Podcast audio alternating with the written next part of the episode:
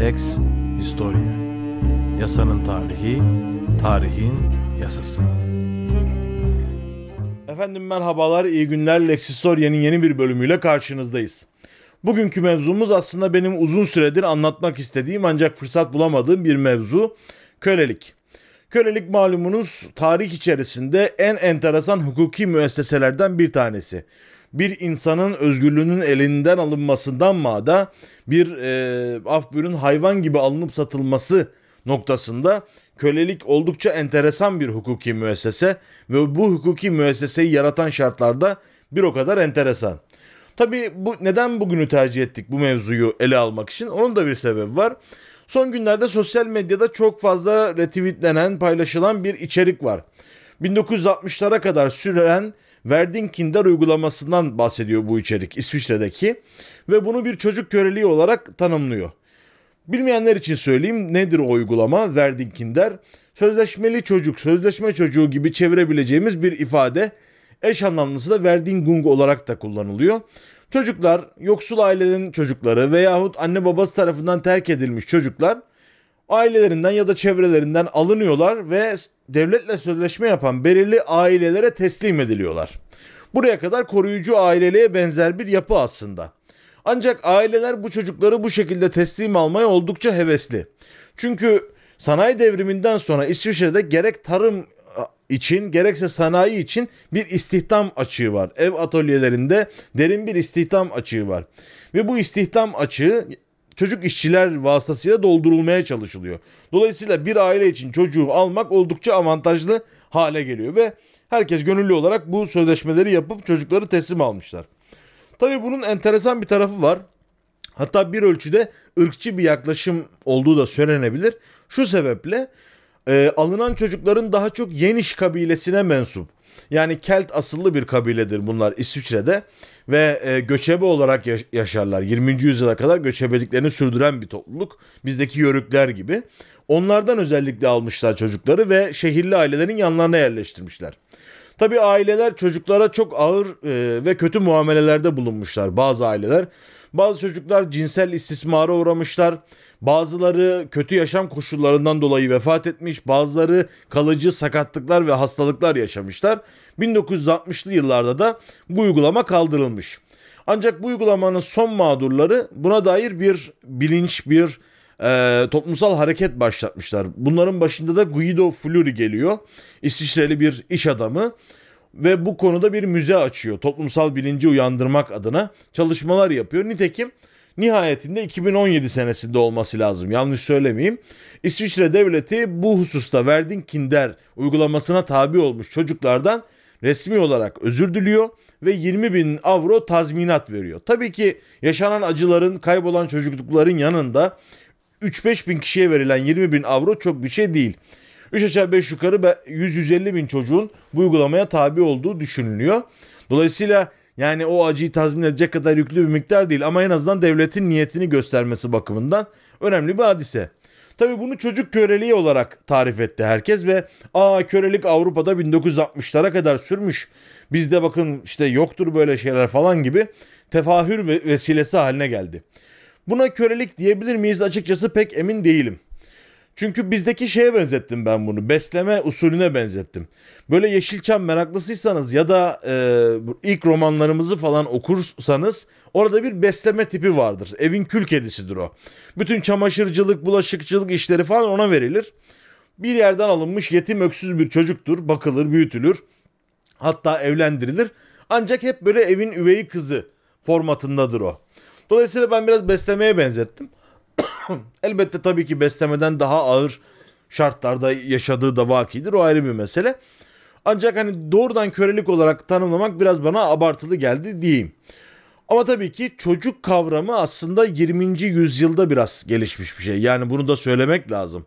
Bundan evvel mesela sanayi devriminin ilk e, başladığı yıllara bakarsanız bir hane içerisindeki bütün bireyler çalışıyor. 4 yaşındaki çocuktan 80 yaşındaki dedeye kadar herkes çalışıyor.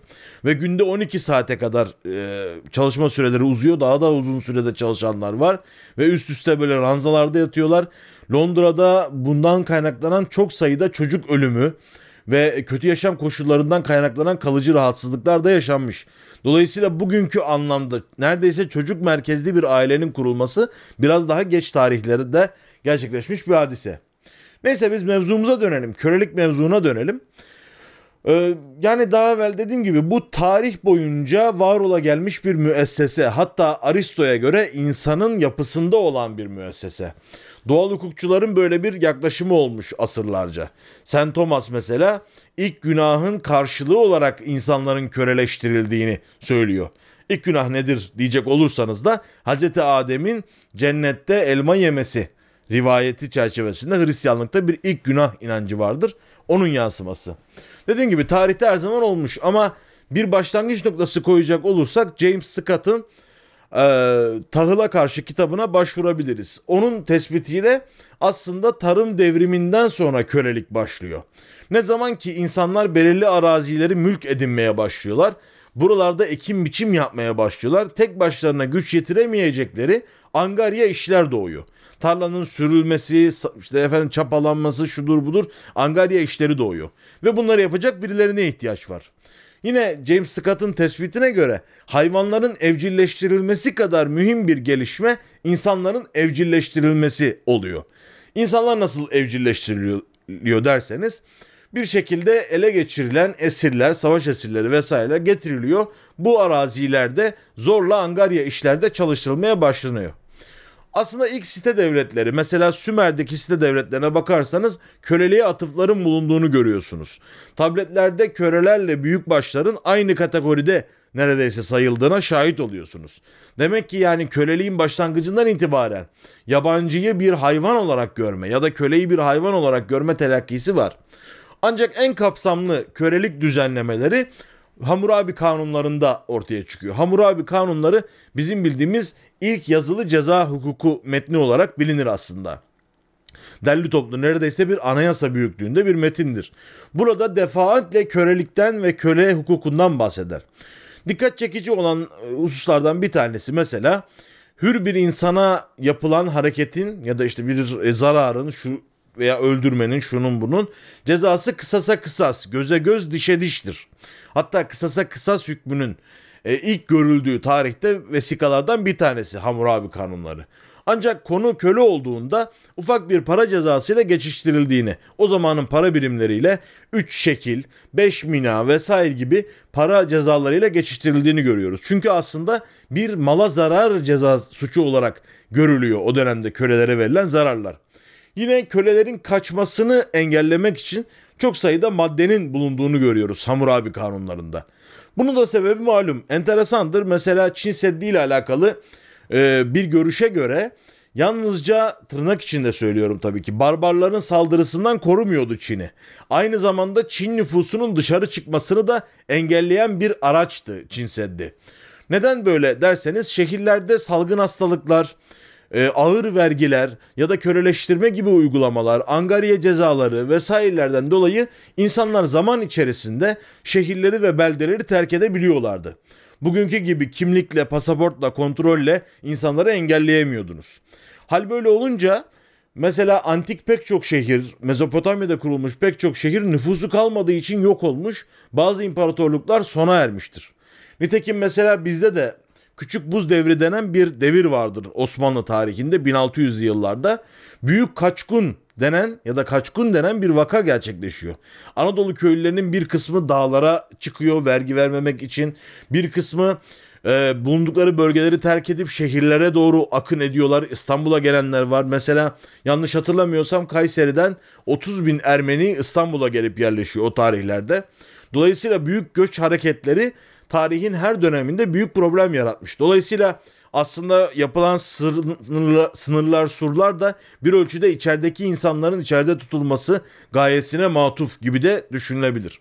Dolayısıyla böyle ve köleliğin aslında en temel şeyi az evvel söylediğim gibi angarya işler. Nasıl işler bunlar? Aslında bugün de bir ölçüde devam eden işte madencilik gibi, e, ormandan kereste toplamak gibi ya da deniz ulaşımı, deniz taşımacılığı başlamışsa şayet kürekçilik gibi yani forsalık gibi işler yaptırılıyor bunlara. Dolayısıyla e, toplumu aslında var eden, toplumun temel ekonomik kaynaklarını oluşturan ve alt orta sınıfların yapmayı istemediği meslekler, işler bu kölelere yaptırılıyor genelde.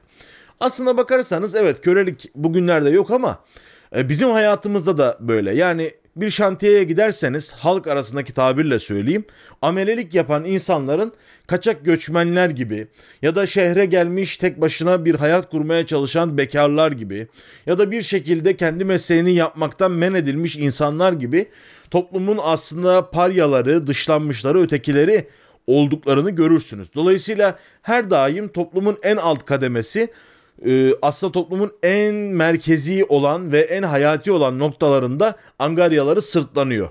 O dönemde de köleler bu pozisyonda ve onlar sırtlanıyorlar. Nasıl köle olurdu bir insan? E, bunu bu suali cevaplayacak olursak aslında şöyle. Bunlardan birincisi ve belki de en eskisi savaş esareti. Zaten muhtemelen köleliğin de buradan ortaya çıktığı düşünülüyor. Bir beldeye girdiniz ya da düşman bir kabileyle savaştınız. 10 kişi, 100 kişi, 1000 kişi köle aldınız. Esir aldınız daha doğrusu. Bu esirleri ya öldüreceksiniz, bu gaddarca olur ya da fidye isteyeceksiniz. Aslında bu akıllıca. Ancak fidyeyi verebilecek durumda mı acaba sizin saldırdığınız kabile? Belki tamamen ortadan kaldırdınız o topluluğu. Ya da tamamen sindirdiniz veyahut onlar başka bir beldeye gitti ve akrabalarıyla münasebetlerini kestiler. Bildiğim kadarıyla Don Quixote'un yazarı Cervantes mesela esir alınıyor ama o dönemde pek çok Katolik papazı bu esirlerin bırakılması için çalışıyorlar. Cervantes'i de o şekilde kurtarıyorlar diye benim aklımda kalmış. Yani fidye uygulaması her zaman makul ve mantıklı olmayabilir. Fidyeden de daha avantajlı bir uygulama var. Bu kişileri köle olarak angaryalarda kullanmak. Dolayısıyla bu usul çok eski ve köklü bir e, usul. İkincisi de borç esareti. Ben bunu daha enteresan buluyorum. Borç esareti antik Yunan'da Solon yasalarına kadar devam etmiş bir esaret biçimi. Yani borçlusunuz, alacaklınıza diyorsunuz ki beni şu kadar sene ya da bir ömür boyu esir et. Böyle bir teklifte bulunuyorsunuz. Tevrat'ın e, tarihi bir metin olarak okuduğunuz zaman Tevrat'ı pek çok yerinde bu borç esaretine e, işaret olduğunu görüyorsunuz. Hatta ve hatta borcunu ödemeden ölen kişilerin kızları ve çocuklarının bile zamanında e, esir edildiği anlatılıyor Tevrat'ta. Dolayısıyla e, çok köklü bir kurum bu da borç esareti. Enteresan şunu da söyleyeyim. Yani mesela bir kişinin borcundan dolayı neden e, karısı ve çocukları esir ediliyor, köle ediliyor zaman içerisinde. Çünkü aslında antik toplumların pek çoğunda pater familias anlayışı e, söz konusu. Bugünkü ataerkiden çok daha farklı aslında. Pater familias dediğimiz zaman bunun Arapçası Rabbül Beyt olarak çevrilebilir. Evin Rabbi. Yani çok e, üstün bir niteliği var o dönemde babanın, ailenin üzerinde. Neredeyse çocuklar köle olmasa bile babanın malı gibiler. Onlar hakkında istediği gibi tasarruf edebiliyor. Nitekim böyle eski isimlere bakarsanız özellikle kadın isimlerine bakarsanız işte babasının isminin yanına bir e, müennes ek takı eklenip onun dişileştirildiğini görürsünüz. Yani aslında kadının adı bile yoktur. Babasının adıyla anılır. Nitekim Emrah Safa Gürkan'ın da işte e, programlarında üzerinde durduğu bir mevzuydu değil mi?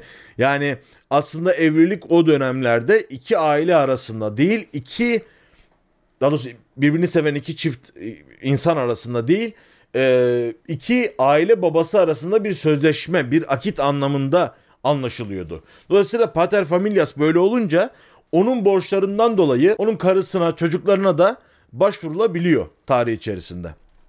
Tabi kimler köle oluyordu genelde diye baktığımız zaman toplumun içerisinde borç esareti haricinde aynı toplumun bireyleri birbirlerini genelde köleleştirmiyorlardı.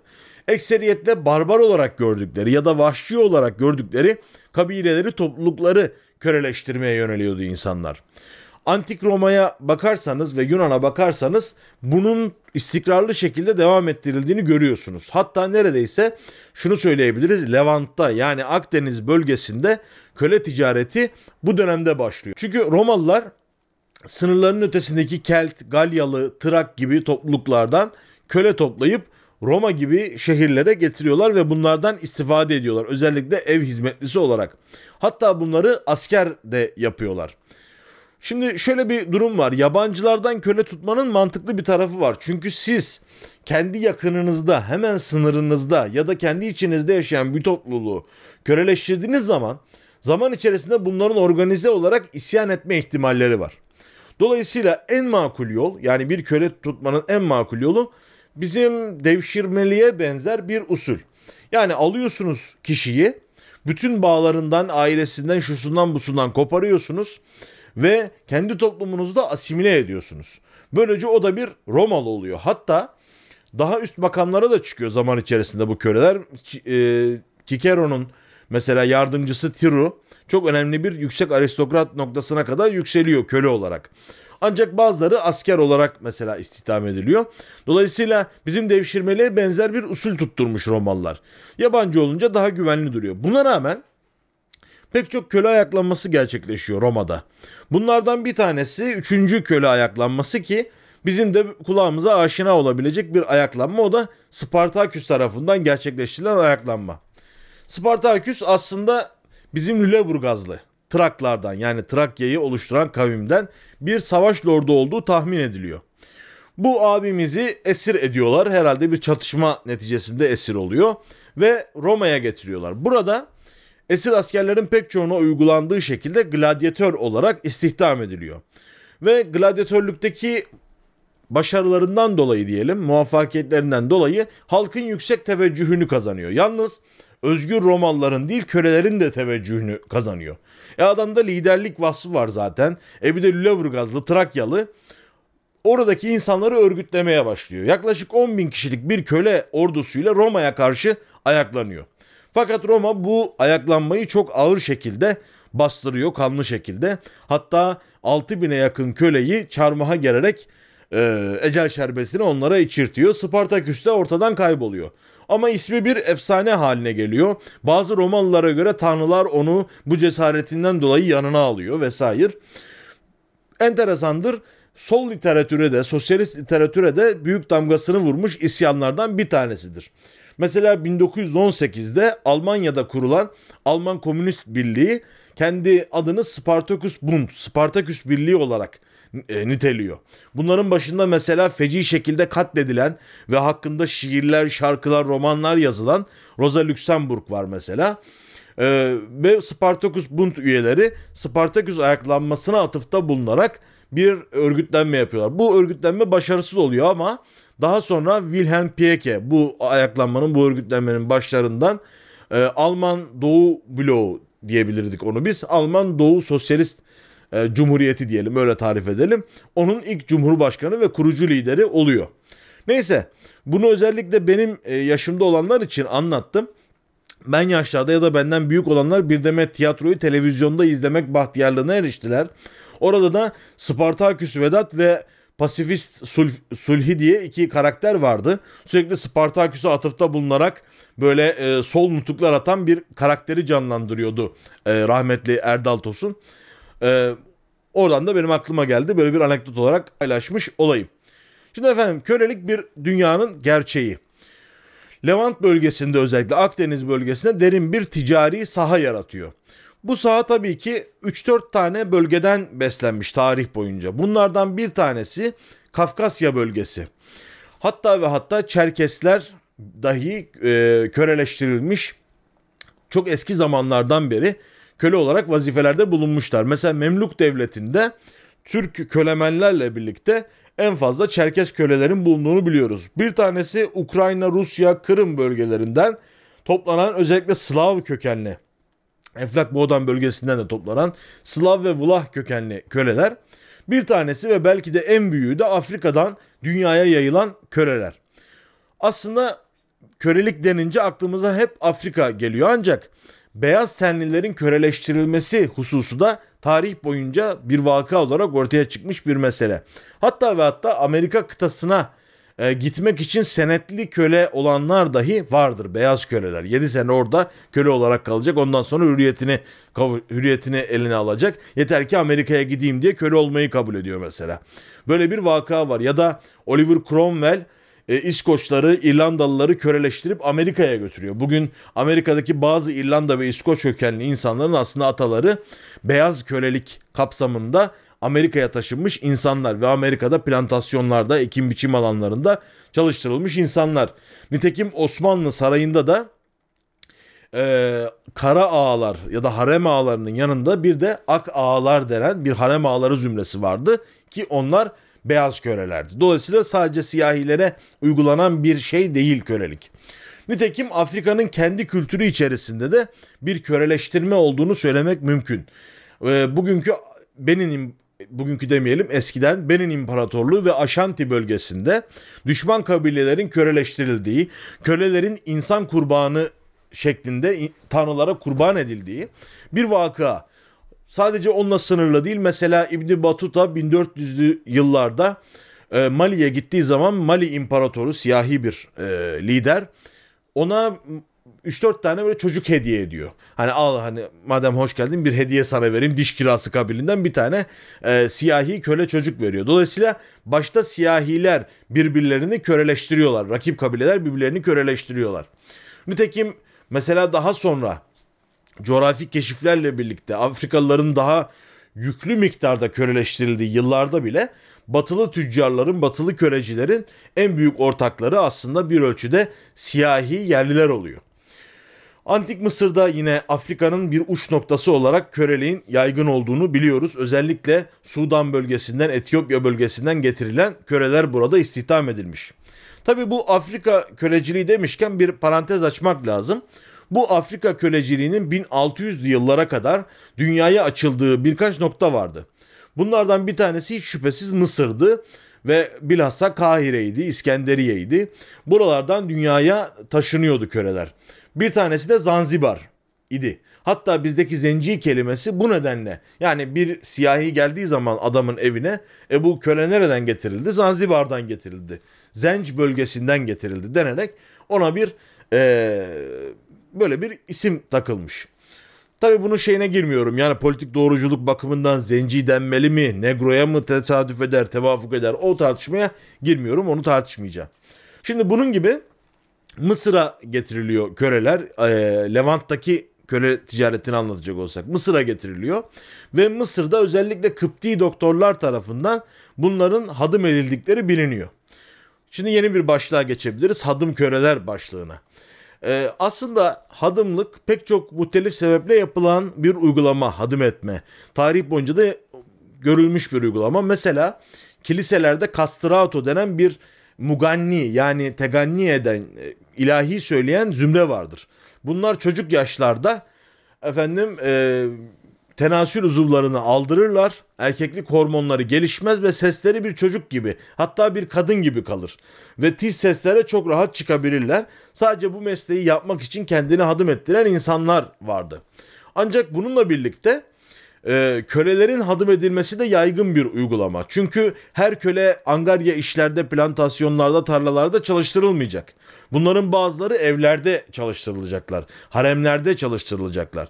Dolayısıyla bunların nasıl söyleyelim bazı hususlardan emniyetli olmaları için böyle bir tedbir düşünülüyor. Ve e, tenasül uzuvları kesiliyor kölelerin. Dolayısıyla bu yaygın bir uygulama. Bu yaygılama bu uygulamayı da en fazla yapanların Mısırlı Kıpti doktorlar oldukları rivayet olunuyor. Arap tüccarlar, Müslüman tüccarlar onları Mısır'a götürüyorlar. Burada hadım ettiriyorlar. Dünyanın dört bir yanına dağıtıyorlar. Hatta ve hatta o kadar çok dağılmıştır ki e, meşhur Rus yazar Alexander Pushkin'in büyük dedesi e, Etiyopyalıdır. Zaten Pushkin'in suratına bakarsanız da hafif bir siyahi görüntüsünü görürsünüz. Hatta Çar Petro'nun Zencisi adında bir hikaye de kaleme alıyor dedesinin hatırasına. Çar Petro e, bu şahsı İstanbul elçisinden alıyor. İstanbul elçisi Rusya'ya gittiği zaman yanında bir siyahi köle hediye götürüyor. Ve e, Çar'a hediye ediyor. Çar da onu çok seviyor. Vaftiz babası oluyor e, Zenci'nin. Yanında barındırıyor vesaire. Demek ki yani bu ticaret bir ölçüde Rusya'ya kadar uzanan bir ticaret. Yine mesela Emevi ve Abbasi dönemlerinde kölelik meselesinin çok güçlü olduğu, köle ticaretinin çok yoğun olduğu biliniyor. Bilhassa Irak yaklaşık 500 bin kölenin yaşadığı tahmin ediliyor Irak'ta ve Sevat bölgesi denen bataklık bölgesinde bunlar dini karakterli gibi görünen ve Hz. Ali'nin torunu olduğunu iddia eden Ali bin Muhammed el Zenci tarafından başlatılan Zenci isyanında e, ayaklanıyorlar. Tıpkı Roma'daki köle isyanları gibi. Abbasi hilafetine karşı ayaklanıyorlar ve bataklık bölge olduğu için Abbasiler bunlara pek müdahale edemiyorlar. Hatta ve hatta bu zenç köleleri e, Basra'ya giriyorlar. Basra'yı yağmalıyorlar. 10 bine yakın insanı burada katlediyorlar. Meşhur bizim bugün de e, günlük lisanda kullandığımız Badel Harabi Basra. Yani Basra harap olduktan sonra alınan tedbir gibilerinden kullanırız ya. O buradan geldiği rivayet olunuyor bu hadisenin. Şimdi dediğimiz gibi e, çok yaygın bir mesele köle ticareti ve dünyanın her yerine taşınıyor. İspanyollar ve Portekizlere de köle kullanımını daha doğrusu siyahi köle kullanımını e, Arapların ve Berberilerin öğrettiği söyleniyor. Nitekim Endülüs tecrübesi var ortada. Ve daha sonra İspanyollar ve Portekizler bu işe uyanıyorlar. Deniz ticareti arttıkça köle ticareti de karlı bir iş haline gelmeye başlıyor. Karlı bir iş portföyü haline gelmeye başlıyor. 1600'lerde yükselişe geçiyor ve 1800'lere kadar e, okyanuslar üzerinde büyük gemilerde çok sayıda kölenin götürülmesi mümkün hale geliyor. Aslında bu kölelik meselesini çok daha dramatik hale getiren gelişme bu olmuştur. Yani Arapların ya da işte Müslüman tüccarların merkezde olduğu ve Levant bölgesinde yaygın olan köle ticareti aslında düşük hacimli bir ticaret. Çünkü sizin bir kervanla taşıyabileceğiniz insan sayısı belli. Bu insanları satacağınız e, pazarlar belli, esir pazarları belli. Mesela İstanbul'dan örnek verirsek ilk köle pazarı Haseki semtinde. Daha sonra Bedesten yakınlarına gelmiş. İşte Kapalı Çarşı ile Nuri Osmaniye arasında e, yer almış Tavuk Pazarı adıyla. Kadınlar Pazarı vardır yine Zeyrek tarafında vesaire. Dolayısıyla Üsküdar'da da bir esirciler çarşısı olduğunu e, yanlış hatırlamıyorsam öyle bir bilgi vardı. Dolayısıyla yani bu pazarlardan satabilirsiniz köleleri. Ama Atlantik Okyanusu, Pasifik Okyanusu üzerinden kölecilik işine başladığınız zaman dev gemilerde insanları getiriyorsunuz ve burada sınırsız bir arazide ekim biçim yapmak üzere buralara insanları taşıyorsunuz. Nitekim yapılan araştırmalar şunu gösteriyor. O kadar çok köle taşınmıştır ki e, Portekiz, İspanyol, İngiliz, Hollanda gemileri tarafından Afrika'da nüfus artışı durmuş mesela. O dönemde Asya'da, Avrupa'da nüfus artışı devam ediyor. Afrika'da nüfus artışı durmuş. O derece yüksek bir köle ticareti yapılmış. Pek çoğu da bunların iskorbit gibi o D vitamini yoksunluğundan başlayın. E, pek çok gemici hastalığından başlayın. Kötü hayat şartları nedeniyle daha yolda kıyıya varamadan vefat etmişler. Kıyıya varanlarda e, plantasyonlarda yani ekim biçim alanlarında çalışanlar çok ağır şartlarda yıllarca çalışmışlar. İnsan yerine konmamışlar. Ve e, hatta biliyorsunuz Amerika'nın bağımsızlık süreci e, ne gidildiği zaman bir kuzey-güney savaşı vardır. Güneyliler daha köleci bir toplumu tahayyül ederler. Kuzeyliler başlarında Abraham Lincoln'un olduğu bir topluluk ve onlar köleliğe karşıdırlar ve bu iki grup arasında bir iç savaş, Amerikan iç savaşı yaşanır. Kuzeyliler kazanır. Bugün bile Güneyliler denen o redneck tayfanın böyle siyahilere mesafeli karşı olduğunu vesaire zaten televizyondan vesaire de takip ediyorsunuz. Zaman içerisinde kölelik e, eski itibarını kaybetmeye başlıyor. Esas itibariyle baktığımızda tarih içerisinde köleliğe karşı hareketler her daim olmuştur. Yani sadece köle isyanlarıyla değil, düşünsel bazda da köleliğin e, uygun ve doğru olmadığını savunan görüşler her daim olmuştur.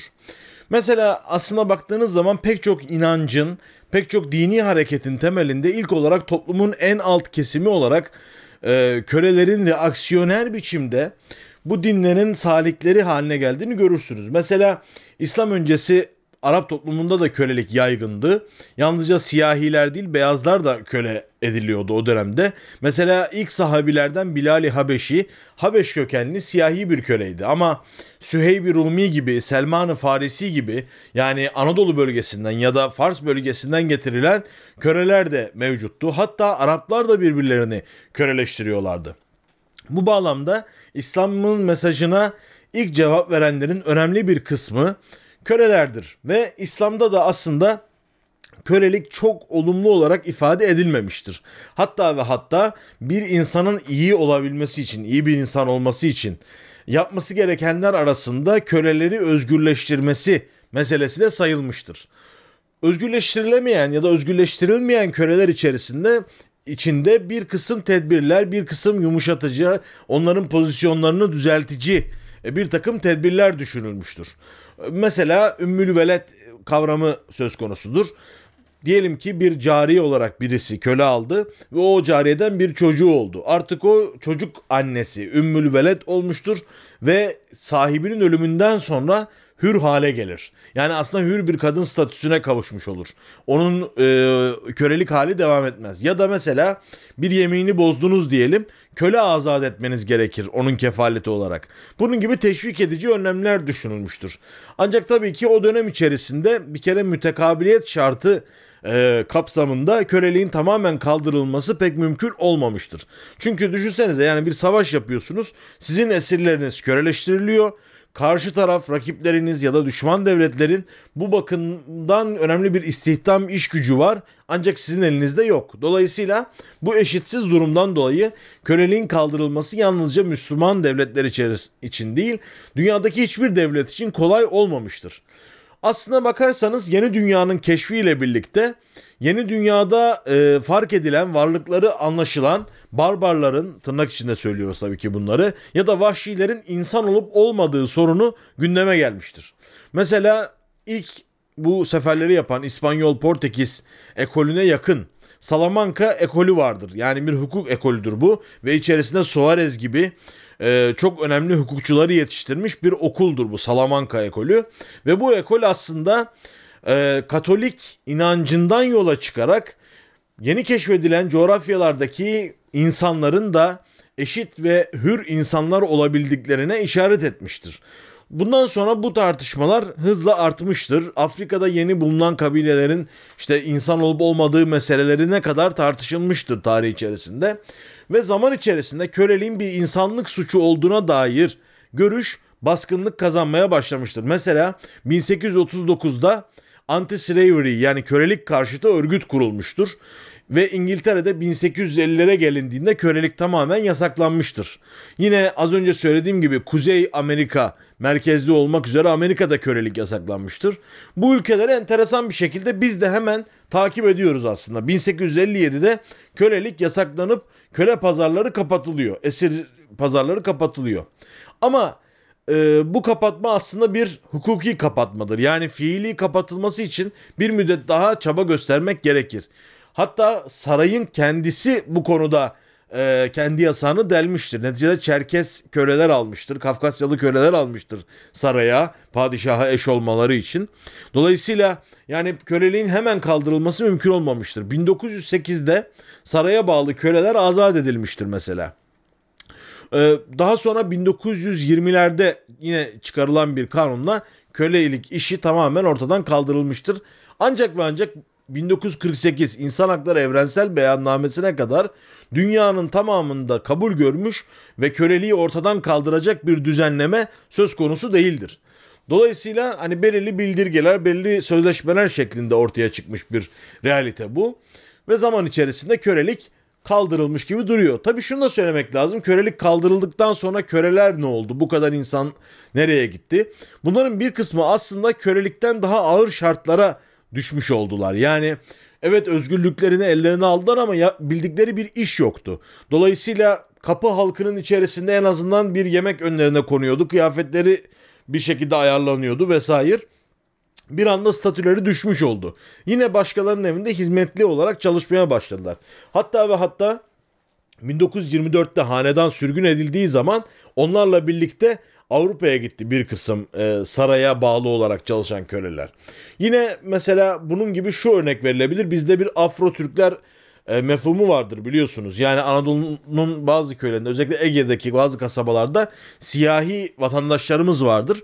Aslında onların da kaynağı Hıdivlerin bu bölgedeki e, arazilerinde çalışmak üzere getirdikleri plantasyon ekim kölelerinin e, torunlarıdır bu vatandaşlarımız. Dolayısıyla hürriyetlerini kazandıktan sonra da bulundukları bölgelerde kalmışlardır.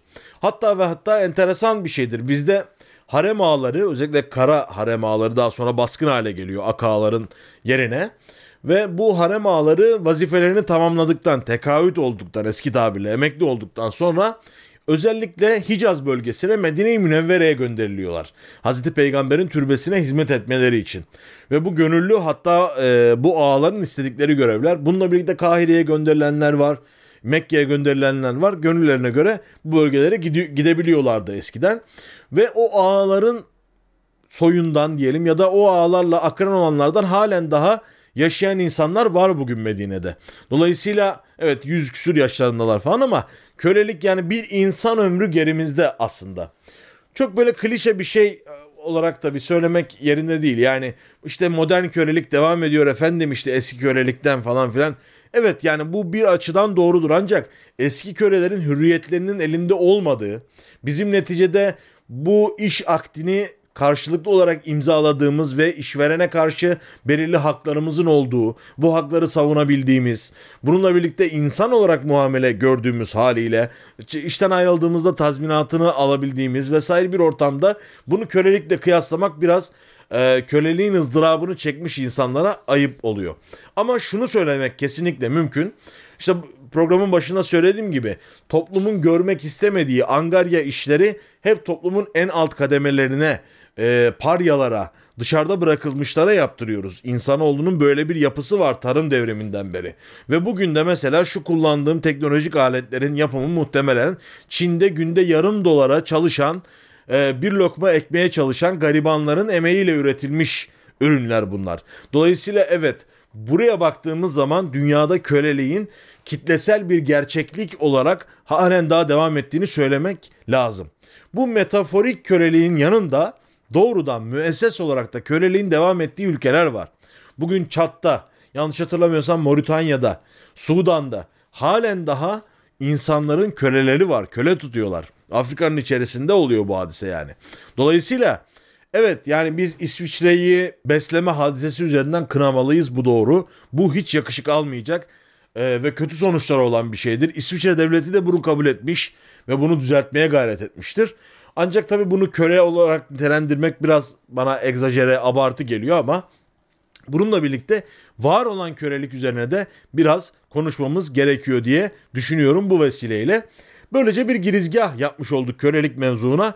Bunu da ileride detaylandırmayı düşünüyorum. Özellikle Osmanlı İstanbul'unda kölelerin vaziyetiyle ilişkili bazı anekdotları aktarmayı düşünüyorum. Yine e, İslam tarihi içerisinde ya da Avrupa tarihi içerisinde Atlantik ötesi köleciliği ile ilgili bazı anekdotları aktarmayı düşünüyorum yeri geldikçe. Kölelik böyle enteresan bir hukuki kurum. Çok şükür ki bugünlerde en azından bir ölçüde tarihe karışmış gibi görünüyor. Madem öyle her zamanki gibi e, programı kapatalım. Özgür kalın, hakla kalın, hukukla kalın, sağlıcakla kalın efendim. Lex Historia Yasanın tarihi, tarihin yasası.